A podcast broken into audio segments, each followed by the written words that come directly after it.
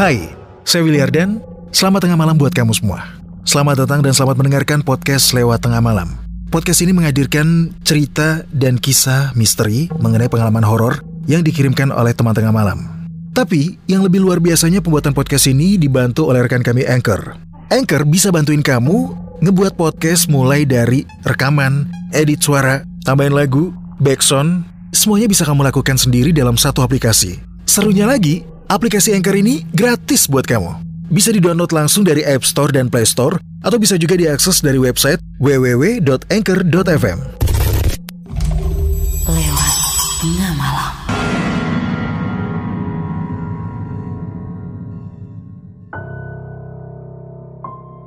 Selamat tengah malam, kamu lagi mendengarkan podcast lewat tengah malam bersama saya Willy Ardan. Konstruksi hotel ini unik dengan nuansa merah darah dan terlihat megah. Tapi ada pengalaman horor yang ternyata dialami Linda saat dia dan teman-temannya menginap di Hotel Bintang 4 yang berlokasi di sekitaran Jakarta Pusat. Sebenarnya ada gangguan apa sih yang dialami Linda dan teman-temannya selama menginap dua malam di Hotel Angker itu? Kalau kamu penasaran, simak kisahnya hanya di episode 150. Hotel Bintang 4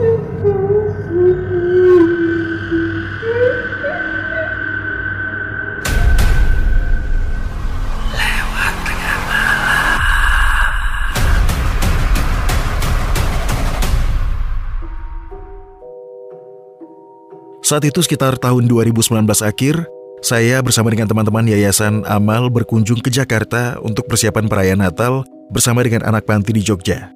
Saat itu kita bertiga dua perempuan dan satu laki-laki. Nah, karena untuk menghemat pengeluaran, kita bertiga sepakat pesan satu kamar twin bed dan extra bed di Hotel Bintang 4 di kawasan Jakarta Pusat. Saat memasuki hotel, rasanya tidak ada yang aneh sih. Konstruksi hotelnya unik, nuansa merah darah dan juga megah. Lobinya juga sejuk. Makanya saya merasa nggak ada yang aneh dengan hotel ini. Oh iya, satu lagi. Hotel ini juga sering dijadikan tempat pertemuan. Kami bertiga masih bercakap-cakap dengan sponsor dari Jakarta di lobi hingga akhirnya waktu menunjukkan jam 9 malam. Setelah selesai, kami bertiga masuk ke dalam kamar. Lampu di dalam kamar hotel sangat redup, walaupun bukan lampu tidur. Saya sudah merasakan gak nyaman. Sedangkan teman-teman saya sudah pada tidur sekitar jam 11 malam. Tapi saya masih belum bisa memejamkan mata. Baru pertama kali nemuin hotel yang tempat tidurnya membelakangi pintu. Jangankan pas tidur, pas lagi kerja aja hampir nggak ada orang yang membelakangi pintu. Karena kalau dari keamanan jelas nggak efektif banget ya. Kalau ada sesuatu hal terjadi, misal ada orang mau menyerang, nggak bisa mengantisipasi dengan cepat. But it's not a big deal. Dan dimulai saat semuanya sudah pada tidur. Kecuali saya. Ritual saya seperti biasa sebelum tidur, berdoa, dan akhirnya saya tidur lelap. Tapi gak lama kemudian, tangan saya seperti ngerasa kesetrum. Terus mendadak saya terbangun. Tapi yang anehnya, saya nggak bisa menggerakkan sama sekali tubuh saya. Alias ketindihan. Dan, tahukah kalian, apa yang saya rasakan dan yang saya lihat? Saya lihat ke depan teman saya yang cewek, sedang pakai handuk di kepalanya sambil gerak-gerak dan lama-lama dia mendekat ke arah saya. Padahal saya sadar kalau sebenarnya teman saya yang cewek itu tidur di bed sebelah saya. Saya berusaha bangun dan gerak sebelum si hantu yang menyerupai teman saya semakin dekat. Akhirnya saya berhasil gerak, dan sampai pagi saya nggak bisa tidur. Buat teman tengah malam yang punya pengalaman horor, biar cerita kamu bisa muncul di podcast lewat tengah malam, kirim cerita kamu lewat email di willyardan13 at gmail.com. Buat kamu yang pengen bikin podcast, langsung download sekarang juga aplikasi Anchor dari App Store dan Play Store atau bisa juga diakses dari website www.anchor.fm. Anchor bisa untuk edit dan upload podcast kamu. Dan yang paling penting, Anchor gratis buat kamu. Sebuah masalah terjadi lagi. Ketika jam 7 pagi, saya baru bisa tidur. Teman-teman saya sudah mulai siap-siap ke bawah untuk sarapan pagi. Saking ngantuknya, saya cuek aja dan lanjut tidur. Dan si mbak-mbak yang biasa kita sebut Tante Kunti itu mulai ganggu lagi.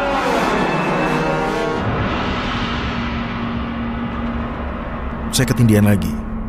Mata saya melek dan saya benar-benar sadar. Ada sesuatu yang memegang kaki saya rasanya berat banget. Cengkramannya keras banget. Karena saya nggak bisa gerak dan juga mau berdoa juga nggak bisa fokus. Tiba-tiba si Mbak Kunti yang pegang kaki saya itu sudah ada di samping bed.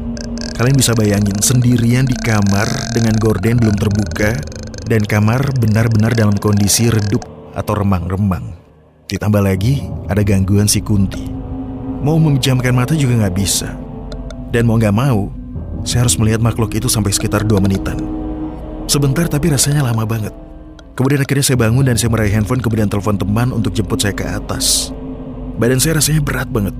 Masih ngantuk. Saya belum mau mandi, tapi saya mencoba untuk meninggalkan kamar itu ke bawah untuk sarapan.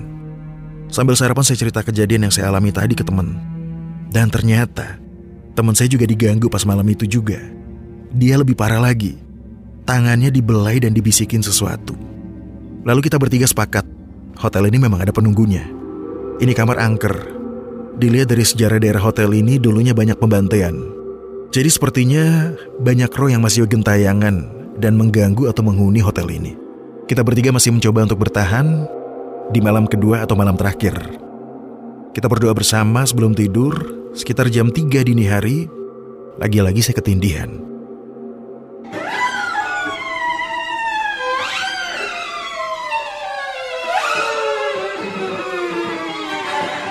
Tapi kali ini lebih parah. Kaki kanan saya dicengkram erat banget. Kali ini sama ibu-ibu tua berwajah rusak, memakai baju putih sambil melotot ke arah saya. Tapi saya nggak bisa teriak, karena suara saya terasa berat banget. Sekitar satu menitan kemudian, akhirnya semuanya berangsur-angsur normal.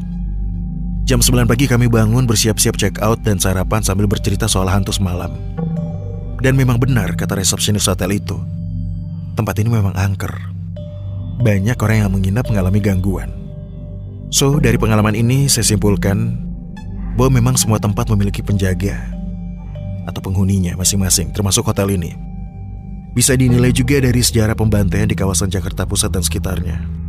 Dan sejak kejadian itu, selalu ada rasa was-was setiap kali harus menginap di hotel.